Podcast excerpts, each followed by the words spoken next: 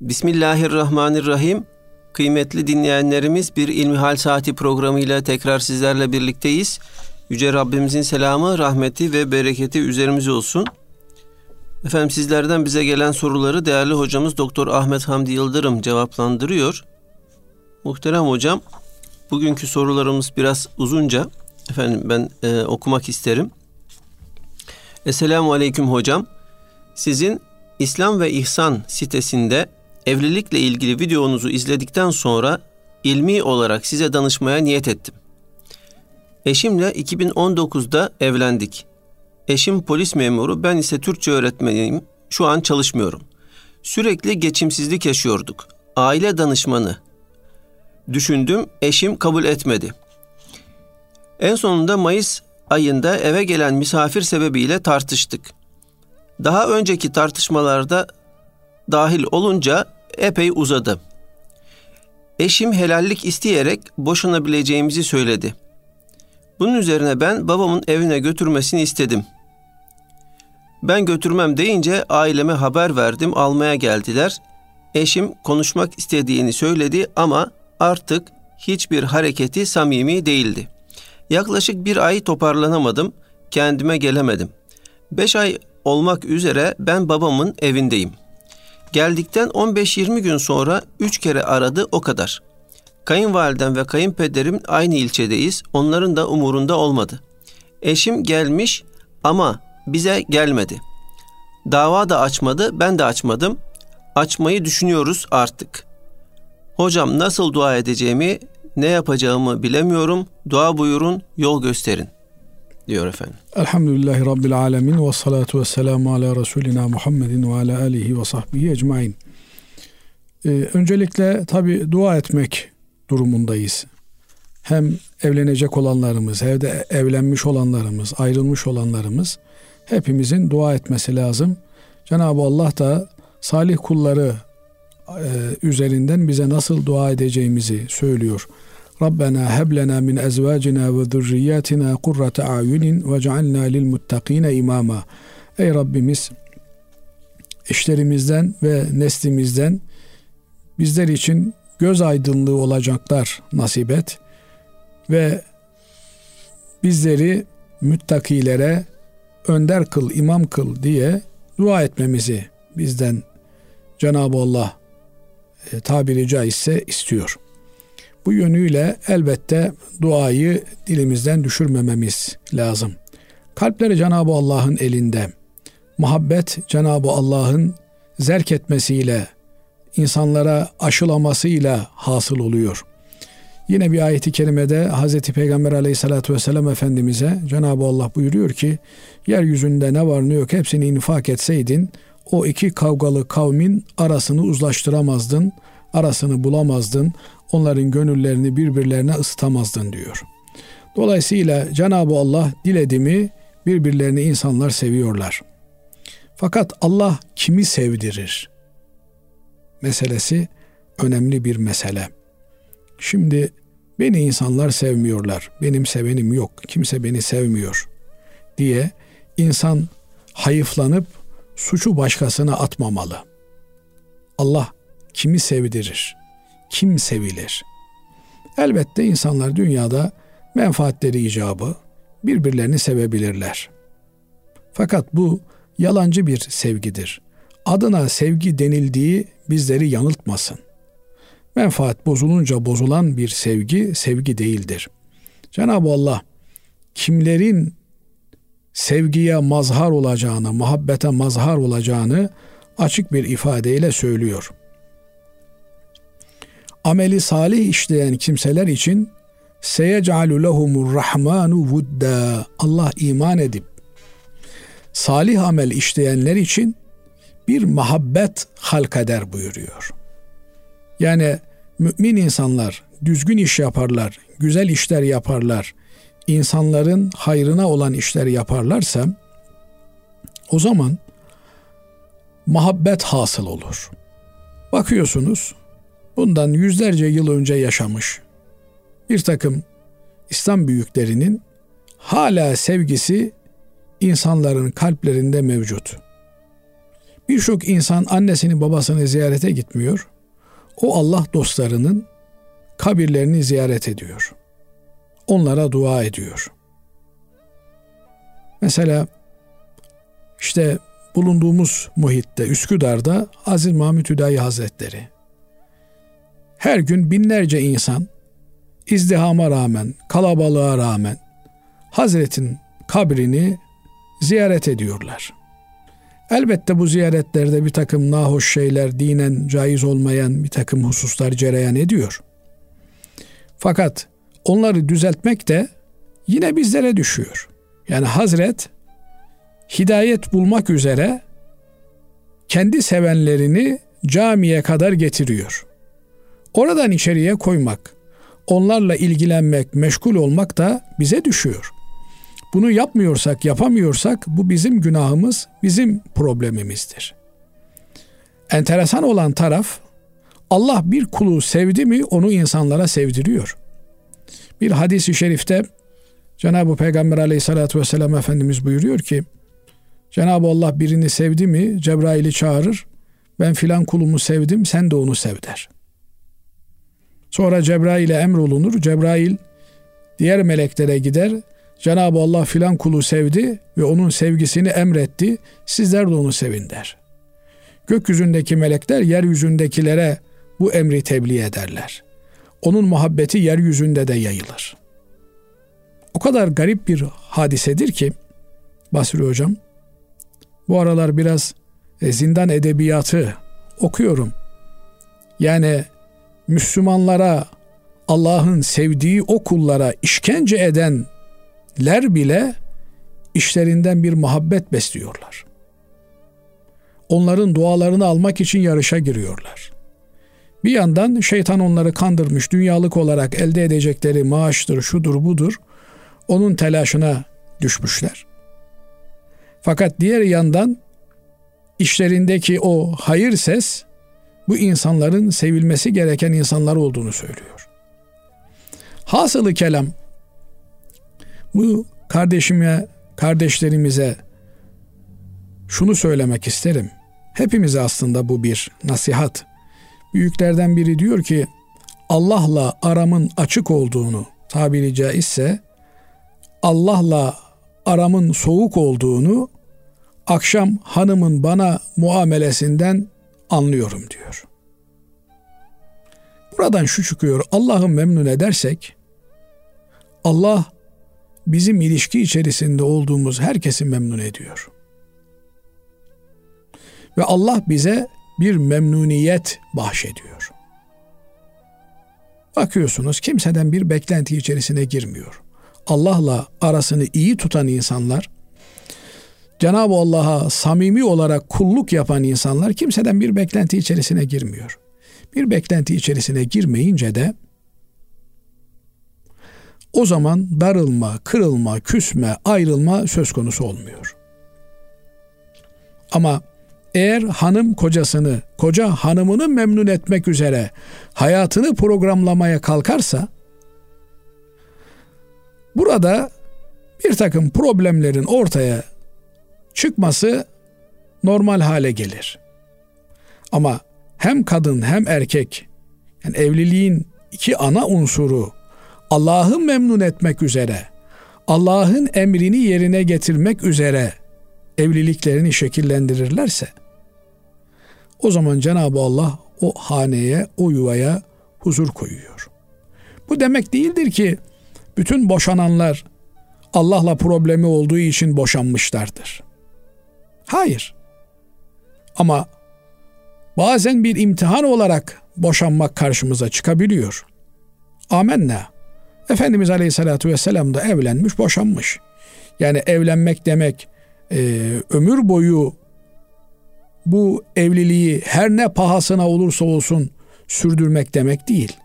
Elbette evlilikte taraflar birbirlerine maddi manevi zarar vermeye başlamışlarsa çözümlere başvurulur. Bu çözümlerin başında her iki kişinin, aile bireylerinin, büyüklerinin bir araya gelip olaya vaziyet etmesi meselesi gelir. Buna Kur'an-ı Kerim iki taraftan hakemler bir araya gelsinler diyor. Hakemler bir araya gelirler. Tarafları dinlerler. Bakarlar bu evliliğin kurtarılabilme yönü var mı? Varsa onun üzerine çalışırlar ve evliliği kurtarmaya gayret ederler. Ama bazen de görülür ki yani bu evliliği kurtarmak tarafları kaybetmek anlamına gelecek.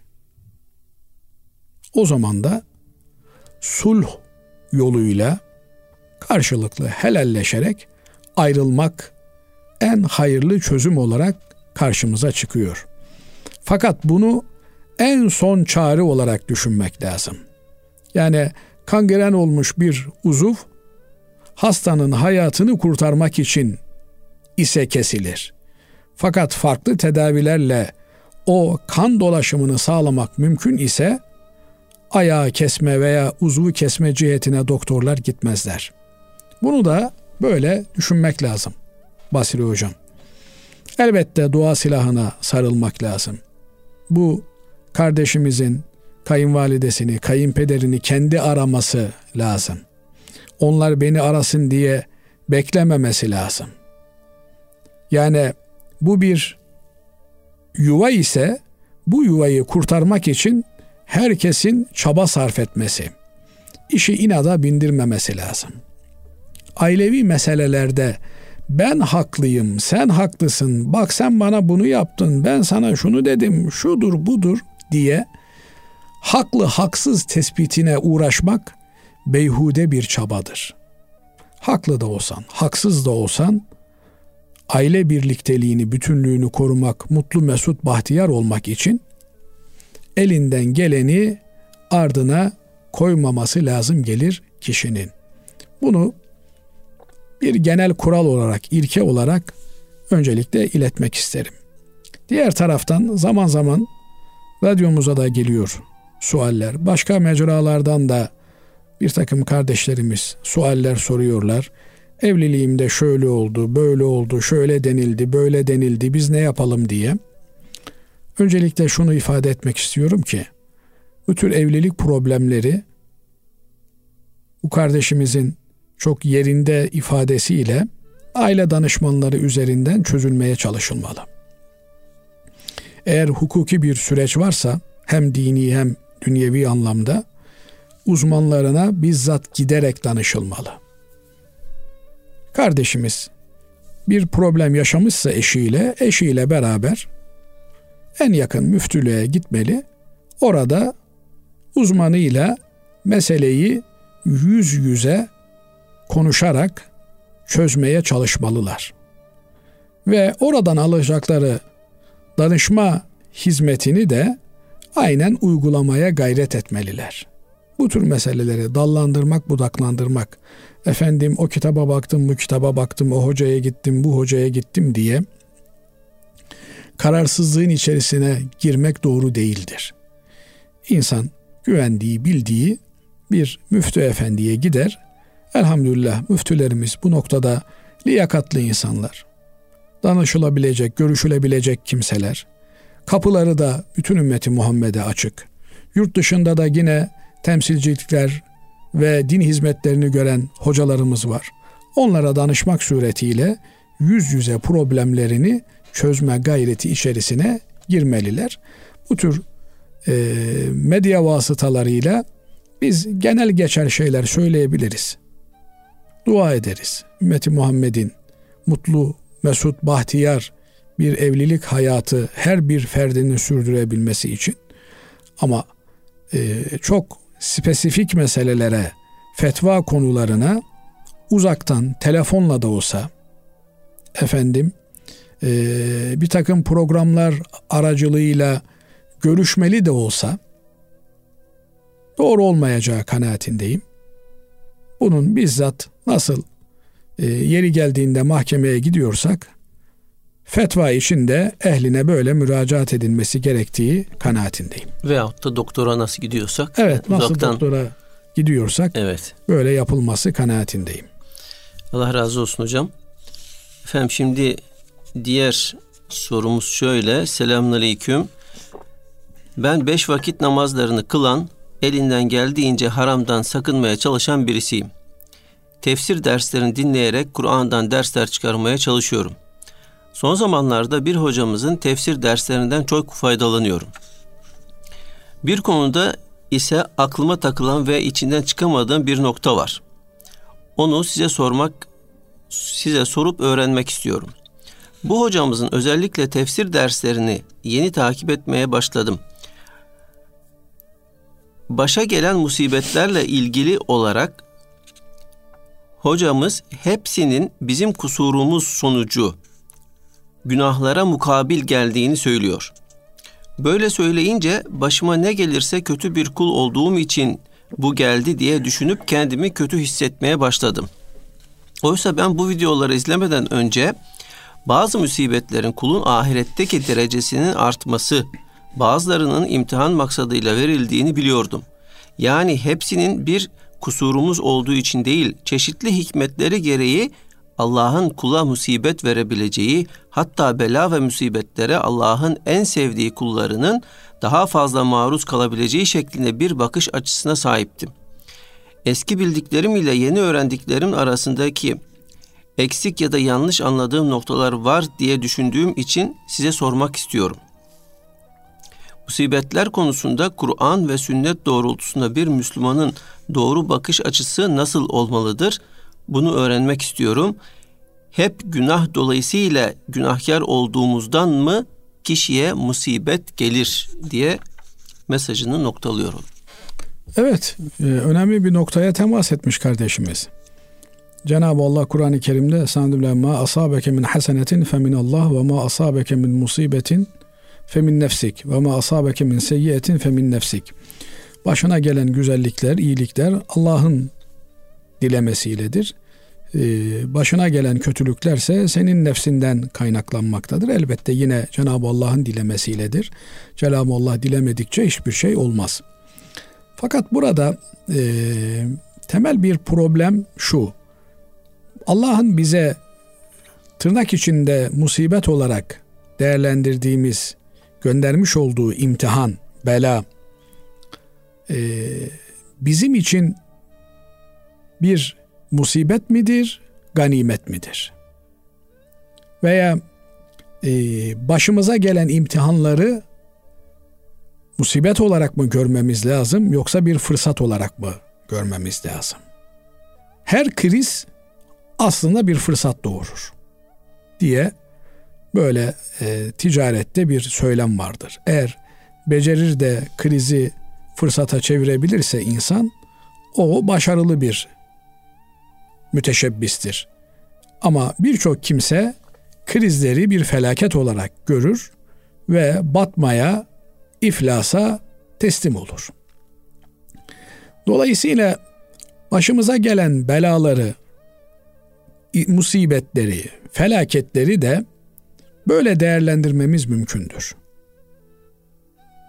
Elbette kardeşimizin haklı olduğu taraf var. Fakat e, tefsir derslerini yapan hocamız burada farklı bir şey söylemiyor.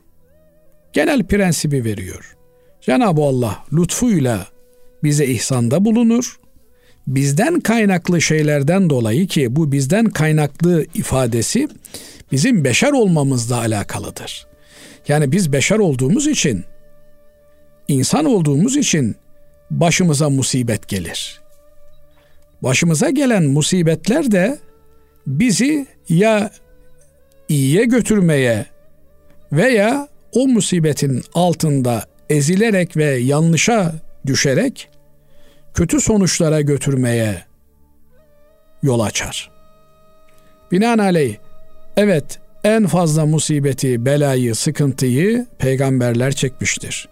Onların içerisinde en fazla musibet, bela Efendimiz Aleyhisselatü Vesselam'a gelmiştir. Fakat Efendimiz Aleyhisselatü Vesselam gelen hiçbir musibeti Allah'ın ona bir intikamı olarak görmemiştir. Haşa. Cenab-ı Allah'ın kendisine verdiği bir fırsat olarak görmüştür. Bir de hocam bu e, musibet kavramını biraz açalım isterseniz. Yani musibet nedir? Yani hastalık mıdır? İşte bir kaza mıdır? Efendim bir e, savaş mıdır? Efendim e, tufan mıdır? Nedir? Hepsidir. Yani normal gidişatın dışında e, başına gelen her şey bir musibet olarak değerlendirilebilir. Şimdi mesela hastalığı nasıl tanımlıyorlar? E, ortalama alıyorlar. İşte filan değer diyorlar. Ortalama insanlarda 100 ile 120 arasındadır. Mesela diyelim ki şeker hastasının nasıl tanımını koyuyorlar? İnsanlarda diyorlar açlık şekeri 100 ile 110 arasında olmalıdır. Bunun üstüne çıktı mı normalin dışına çıkmış demektir. Normalin dışına çıkınca bu bir hastalık olarak değerlendiriliyor. Efendim herkesin çocuğu olur. Birinin çocuğu olmaz. Bu bir onun için imtihan vesilesidir. Efendim e, çocuğu olur. Çocuğu istediği gibi olmaz. Aksi biri çıkar. Bir imtihan vesilesidir. Bir yangın çıkar. Evi yanar. Bir imtihan vesilesidir. Malında eksilme olur, çoluğunda çocuğunda eksilme olur. Yakınları vefat eder vesaire. Normalin dışı gibi görünen her şey bir imtihan vesilesidir. Ve bu imtihanlar Cenab-ı Allah'ın kullarını sınamasıdır. Bu sınavdan başarıyla geçebilenler için bu krizler, bu imtihanlar bir yükseliş, bir derece alma meselesidir. İşte kardeşimizin dediği gibi bu sadece bir takım musibetler için değil, bütün musibetler için geçerlidir. Bir, o gelen musibetin kaynağını görebiliyorsa insan, o zaman e, ilk kazancı elde etmiştir. Hani bir söz vardır, zalim zulmünü icra eder de kader adalet eder. Yani adamı bir cinayetten dolayı tutuklamışlar, idamla yargılıyorlar. Adam mahkemede diyor ki, kardeşim diyor ben bu cinayeti işlemedim diyor. Beni bundan yargılıyorsunuz ama ben bu cinayeti işlemedim. Fakat benim 20 sene önce işlediğim ve faili meçhul diye kayıtlara geçmiş olan bir cinayet vardı. Onun ceremesini ben çekiyorum şimdi. Bu demek ki o belanın kaynağını görebilmiş demek. Şimdi mesela adamın çocuğu haylaz çıkmış. Yaramaz çıkmış. Ya bu çocuğun haylaz olmasının sebebini aradım taradım kendimde buldum diyebiliyorsa bir adam. Yani ben vakti zamanında birinin çocuğunu tenkit etmiştim. Böyle mi çocuk yetiştirilir diye. Şimdi geldi aynı tenkit ettiğim iş benim başıma musallat oldu. Demek ki o dönemde böyle demek yerine ya Rabbi bu kardeşimize yol göster. Onun elinden tut diye dua etseydim bugün başıma bu musibet gelmeyecekti diye başına gelen belanın, musibetin kaynağını görebiliyorsa bir insan birinci aşamayı geçmiş demektir. İkinci olarak kaynağını gördü ve bu krizi kara çevirebiliyorsa, yatırıma dönüştürebiliyorsa, Ya Rabbi alan sensin, veren sensin. 10 sene, 15 sene ben bu evladımı sevdim, kucakladım, bağrıma bastım. Analık, babalık içgüdümü bu evlat sayesinde tatmin ettim. 15 sene bir cennet hayatı yaşattın bana. Bugün aldın. Verirken de razıyım, alırken de razıyım ya Rab diyebiliyorsa bir kimse, aa imtihanı geçmiştir. Milyarları vardı, paraya para demiyordu. Bir gün oldu iflas etti. Hiç şikayet etmiyorsa ya ben niye iflas ettim, niye böyle oldu? Elbette insan matematiksel olarak sebeplere bakar ne oldu ne bitti diye. Ama ya Rabbi mal da senin, mülk de senin. Verdiğinde infak ettim. Şimdi vermedin aldın. Şimdi de senden istiyorum ya Rabbi diyerek Cenab-ı Allah'a iltica edebilirse bir adam imtihanı geçmiştir. Dolayısıyla başına gelen musibet ahireti için bir kazanç olarak yazılacaktır. Fakat niye başımıza geliyor meselesi? Ha, burada şimdi Anadolu'da bir laf vardır. Hastalığı kapanlar için şifayı kaptın derler. Niye şifayı kaptın diye baktığımızda şöyle bir gerekçelendirme görüyoruz. Bu yazın nezdesi vesairesi filan insanın efendim burnundaki e, tıkalı olan sinüsleri açtığını, e, hafif miktarda bir mikrop aldığında vücudun ona karşı bağışıklık ürettiğini ve daha büyükleri için kendisini savunabilecek bir hale geldiğini görüyoruz. Demek ki bu tür musibetler, belalar bu yönüyle değerlendirildiğinde bizi daha büyüklerine hazırlayan öncü artçı veya felaketler olarak görünüyor. Binaenaleyh burada bizim yapmamız gereken başımıza gelen iyiliği de başımıza gelen musibeti de artı hanesine çevirebilmek, döndürebilmek. Eğer insan başına gelen iyiliğe şükreder, hamd eder, onu başkalarıyla paylaşırsa, başına gelen musibete sabreder, bunu bir isyan sebebi haline getirmezse, kardadır, kazançtadır. Binaenaleyh bu kardeşimiz işte mesela bazen oluyor. Ee, Cenab-ı Allah hikmetini kendi bildiği bir takım sebeplerden dolayı bazımıza özürlü çocuk veriyor. Şimdi özürlü çocuğu olan kimselerin psikolojilerine baktığınızda kimi kendi kendini buhrana sürüklüyor. Ben ne günah işledim, ne yaptım da herkesin çocuğu sağlamken benim çocuğum böyle diyor.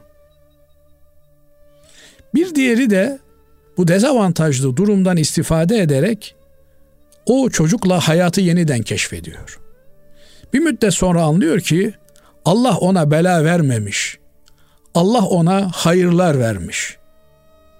Sıradan bir anne baba olarak ömrünü anlamsızca tüketeceğine bir çocuk üzerinden Cenab-ı Allah ona hayatın tadını ve lezzetini çıkartmayı bahşetmiş. Kaldı ki bu dünyada böyle. Yani e, birçok örnek vermek mümkün. Ama ahirette asıl mükafatı orada görecek. Dünyada hiç problemsiz yaşamış olan insanlar ahirette problemli, dertli, sıkıntılı, hastası olan, kendi hasta olan insanları gördüğünde onlara verilen mükafatı gördüğünde eh keşke dünyada ben de çekseydim diye temenni edecek. Niye? Dünya acısıyla, tatlısıyla, iyisiyle, kötüsüyle sınırlı günler bitiyor. Kalan kimse yok. Yani e, bakıyorsunuz adam sağlıkta zirve. E, ölüyor. Yine ölüyor yani çok böyle sağlıklı diye. E, çoluğu çocuğu çok iyi, çok iyi yetişmiş efendim. Şöyle güzel, böyle güzel. E, öldükten sonra bitiyor yani onunla övünmek de bitiyor. Hasılı kelam işin sonucuna bakmak lazım. Başımıza gelenler iyilik veya kötülük eğer bizi daha takvalı hale getiriyor, Allah'a daha da yaklaştırıyorsa bunlar nimettir. Yok öyle değilse, Allah'tan bizi uzaklaştırıyorsa bunlar musibettir. Yani adam fakirken daha Müslümandı. Zenginleştikçe dinden, diyanetten uzaklaşmaya başladı. Fakirken camiden ayrılmazdı. Parayı gördü, caminin yolunu unuttu. Fakirken gece teheccüd namazlarını kaçırmazdı. Zengin oldu, artık vakit namazlarını bile aksatıyor. Bu zenginlik onun için bir nimet değil. Bu zenginlik onun için bir musibet, bir bela, kötü bir şey. Fakirken çocuklarını İmam Hatip'te okutuyordu, Kur'an kursunda okutuyordu. Zengin oldu. O sosyetenin gittiği kolejlere çocuğunu göndermeye başladı. Çocuğunu kaybetti. Namaz kılmaz, oruç tutmaz bir hale geldi. Bu zenginlik onun için bir canavardan başka bir şey değil. Lanet olsun böyle zenginliğe. Çocuğunu elinden alan, çocuğunu namazsız kılan bir zenginlik insana hayır getirmez. Onun için neyin hayır neyin şer olduğu sonucuna göre değerlendirilir. Vel akibetu lil muttakin sonuç muttakiler için her zaman karlı olacak. Bunu ayet böyle ifade ediyor bize. Bu yönüyle Allah'a kul olmanın telaşında olmalıyız. Yoksa şundan sebep böyle olmuş, bundan sebep böyle olmuş diye fatura çıkartmanın hesabının peşinde olmamalıyız. Evet, Allah razı olsun kıymetli hocam. Değerli dinleyenlerimiz şimdi kısa bir araya gidiyoruz. Aradan sonra inşallah kaldığımız yerden devam edeceğiz. Kıymetli dinleyenlerimiz İlmihal Saati programımıza kaldığımız yerden devam ediyoruz. Muhterem hocam istibra ile ilgili bir soru var. Sayın hocam istibra yaparken 40 adım atıyoruz. 40 adım yürüyoruz. Fakat üzerimize idrar dökülüyor ve çamaşırımız kirlenmiş oluyor. Bunun bir ölçüsü var mı? İstibra yaparken nelere dikkat etmeliyiz? Nasıl yapmalıyız? Evet, e, istibra taharetle ilgili bir meselemiz. Yani tamamen temizlenmeyi ifade ediyor. Pislikten olabildiğince kaçabilmeyi, necasetten uzaklaşabilmeyi ifade ediyor kelime anlamı itibarıyla. Binaenaleyh e, abdest namazın bir şartı olduğu için, necasetten taharet namazın bir şartı olduğu için, namaz da hayatın kendisi olduğu için bizim için önemli meselelerden bir tanesi. Fakat bir takım meseleleri vesvese haline getirmemek lazım. İnsan bazen e, abdest alıyor, bazı kimselerde oluyor. Efendim abdestini bitiriyor, başıma mesettim mi, etmedim mi, elimi yıkadım mı, yıkamadım mı, tekrar elini yıkıyor, tekrar başına mese ediyor. Bazen işte e, abdest bozmuş oluyor, ondan sonra abdest alma ihtiyacı oluyor. Acaba tekrar abdest aldıktan sonra bir kaçak oldu mu, bir idrar sızıntısı oldu mu diye vesvese ediyor. Bu gibi durumlarla ilgili Efendimiz Aleyhisselatü Vesselam'ın sünnetine bağlanmak gerekiyor ve Efendimiz Aleyhisselatü Vesselam'ın düsturlarını uygulamak gerekiyor. Bunun da e, hadislerden öğreniyoruz. Efendimiz Aleyhisselatü Vesselam abdest bozduktan bir müddet sonra abdest almış. Abdest bozma esnasında özellikle de küçük abdest bozarken e, acele etmemek, oturmak suretiyle abdest bozmaya çalışmak ve e, bu haldeyken tamamen e, idrarın kesildiğinden emin olmak, peşinden de su ile temizlenmek, ardından da peçete ile efendim tuvalet kağıdı ile kurulanmak suretiyle abdest bozma işini tamamlamak gerekiyor. Eğer bu aşamada biz istibrayı yapmış olursak, yani tamamen boşaltımı sağlamış ve de e, sızıntının oluşmasına mani olacak şekilde bir taharetlenme yapmışsak, bundan sonra efendim abdestimizi alabiliriz.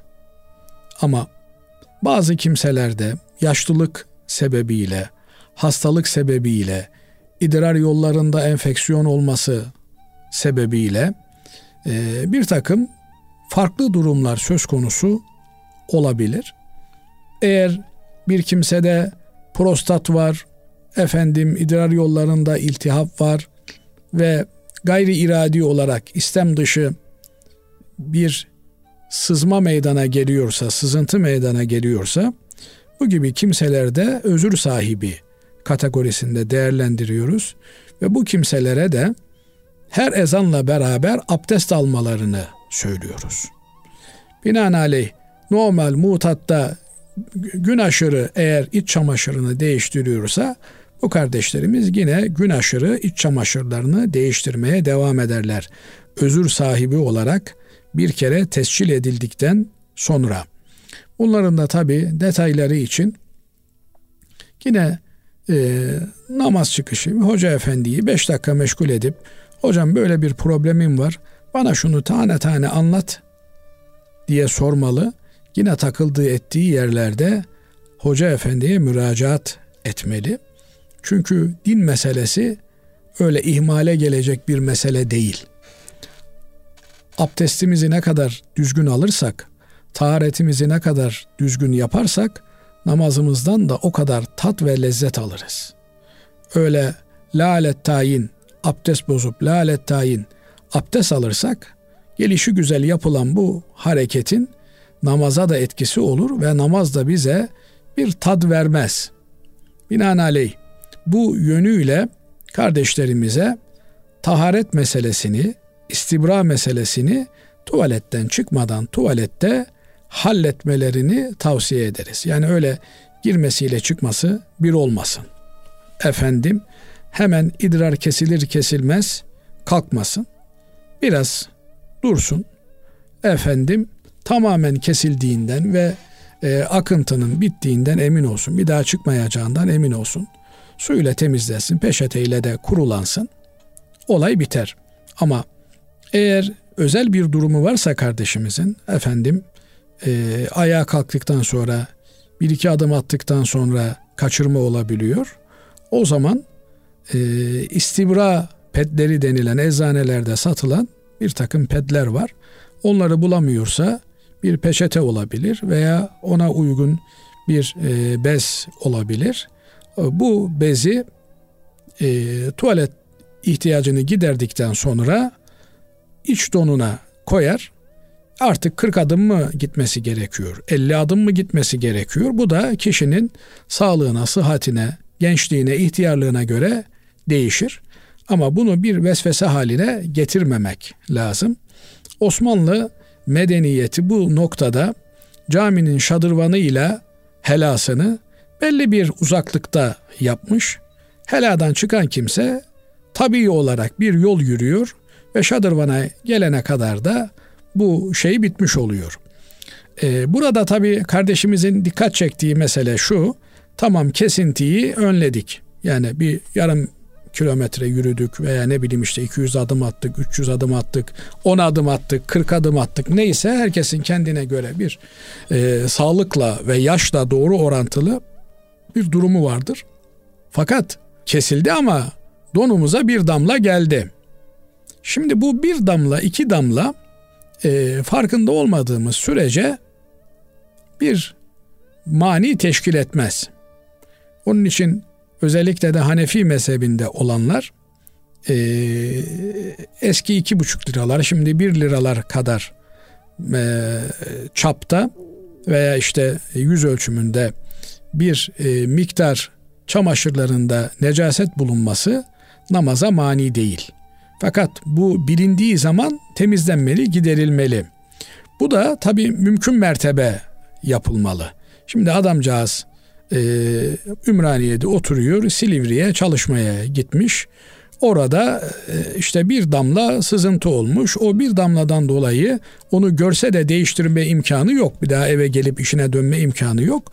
Bu adamcağız ne yapacak? Akşam evine geldiğinde çamaşırını değişecek. Ondan sonra namazlarını temiz bir çamaşırla kılmış olacak. Fakat eğer üst üste birikirse bu ve e, avuç ayasını geçer veya bir liranın e, mesahesini mesafe şey, yüz ölçümünü geçerse o zaman namaza mani bir durum söz konusu olur. Bilse veya bilmese de böyle olur. E, efendim bunlara dikkat etmeli. Ona göre de e, gerekli tedbirleri almalı. Nasıl istibra için 40 adım yürüyorsa kardeşimiz, e, istibranın diğer taraftan çamaşırına idrarın bulaşmaması için de araya bir peçete veya işte tuvalet kağıdı neyse onu koymak suretiyle tedbirini almalı. Abdest almadan önce de onu çıkartıp çöpe atmalı. Evet. Evet hocam. Allah razı olsun. Efendim şimdi Bir hanım dinleyicimiz bize yazmış. Selamünaleyküm. Öncelikle Müslümanım fakat başı açık bir insanım. Soracağım soru da bununla ilgili olduğu için belirtmek istedim. Nişanlım 10 güne kadar Müslümanlığı tam yerine getirmemekteydi. Fakat bunun yanlış bir yol olduğunu düşünerek Allah yolunda ilerlemek istediğini açıkladı ve beni kapanmam için ikna etmeye çalışıyor. Ben de evlendikten sonra kendisinin de desteğiyle yapabileceğimi belirttim. Fakat bunun üzerine dini nikahtan önce beni açık alması onu büyük bir günaha sokarmış. Böyle bir durum söz konusu olabilir mi? Sonuçta Müslümanım, inkar da etmiyorum, yapmayacağımı da söylemiyorum. Yardımlarınızı rica ediyorum demiş. Estağfurullah. Şimdi bir kocanın hanımına karşı sorumlulukları, hakları, görevleri var. Bir kadının da kocasına karşı hakları, sorumlulukları, görevleri söz konusu. Elbette Kur'an-ı Kerim aile reisine ve mur ehleke bis salati vastabir aleyha diyor. Yani ailene namazı emret sen de sabret bunun üzerine diyor. Binaenaleyh e, ailemizin, çoluk çocuğumuzun, eşlerimizin namazı ve dini hayatı bizi ilgilendiriyor. Fakat e, herkes kendi günahını öncelikli olarak taşıyor. Bu kardeşimizin mümin olduğunda, Müslüman olduğunda hiçbir tereddüt yok. Ama e, inandığı dinin gereğini yetirin yerine getirmede eksiği olduğunu kendisi de kabul ediyor. Ma özellikle de e, kadınların kapanması meselesi bir sosyolojik hadise olarak da karşımıza çıkıyor. Yani hakikaten kapanmayı isteyen, imanlı olan fakat sosyal çevrenin baskısı yüzünden kapanamayan, kapanmayı geciktiren insanlar olduğu gibi aslında kapanmak istemeyen, tamamen e, açık olmayı arzulayan, arzu eden ama sosyal çevrenin baskısıyla kapanmak durumunda olan kimseler de var. Bunun anlamı her kapalı olan namaz kılıyor demek değil, her açık olan da namazsız demek değil. Namaz tabi temel bir kriteri dinin. Yani hayatın en ana unsuru. Bu demek değildir ki yani açık olmak bir mazeret teşkil eder. İnsanlar neye mal olursa olsun Allah'ın emrini yerine getirmekte tereddüt etmemeli. Bu dünyada mahallesini dışlayabilir, ailen seni dışlayabilir. Efendim yeri gelir eşin seni dışlayabilir Müslümanca bir hayat yaşadığın için. Fakat nihayetinde Allah'ın huzurunda hesap vermek var. Ve bu hesabı verebilmek üzere insan kendini konumlandırmalı. Bu noktada e, hanım kardeşimizin görüldüğü kadarıyla başının açık olmasının sebebi aile baskısı, toplum baskısı, sosyal çevre baskısı. Beyefendi evleneceği kişi de yarın öbür gün sen beni açık almıştın. Şimdi bana niye baskı yapıyorsun? Türünden bir şeyle karşılaşmamak için şimdiden bunun böyle olmasının daha uygun olacağını düşünüyor. Eğer mesele bu ise o zaman hanım kardeşimiz de evlenmekle beraber artık sorumluluk bir yönüyle de e, evin reisine beye yüklendiği için bir an önce bu niyet etmiş olduğu başını örtme meselesini gerçekleştirmeli. İnşallah Allah'ın razı olacağı şekilde, peygamberinin memnun olacağı şekilde takva üzere bir hayat yaşamayı Rabbim lütfeder. Böylelikle birbirlerine dini hususta da yardımcı olurlar. Zaten evliliğin temel gayesi insanın evlenmek suretiyle dini bütünlüğünü sağlamasıdır. Evlenmemiş insan dini açıdan yarım olarak kabul edilir. Çünkü Efendimiz Aleyhisselatü Vesselam evleniniz dininizin yarısını tamamlayınız diyor. Diğer yarısında da Allah'tan korkunuz diyor. Demek ki evlenmek suretiyle kişi dini bütünlüğü elde etmiş olur. Fakat buradan şöyle bir şey de çıkmamalı. Yani bir adam karısından memnun. Efendim karısı e, bir kadın olarak vazifelerini yerine getiriyor. Başını örtmüyor diye bunu ben boşamak zorunda mıyım? Hayır. Başını örtmediği için tatlı bir dille, güzel bir yol yöntemle ikaz edebilirsiniz, nasihat edebilirsiniz. En azından şunu diyebilirsiniz. Hanım, ben senin başının açık olmasına razı değilim. Ve Allah katında bunun hesabını veremeyeceğinden korkuyorum. Gel bir an önce başını ört. Cenab-ı Allah'ın emrini yerine getir. Sen de rahat et, ben de rahat edeyim. Diye emreder, tavsiye eder. Fakat 30 yıllık hanımı adamcağız o güne kadar dert edinmemiş. O gün namaza başlamış. Ben namaza başladım. Hadi sen de namaza başla diye bir saik ile bir yolla yaklaşması doğru olmaz.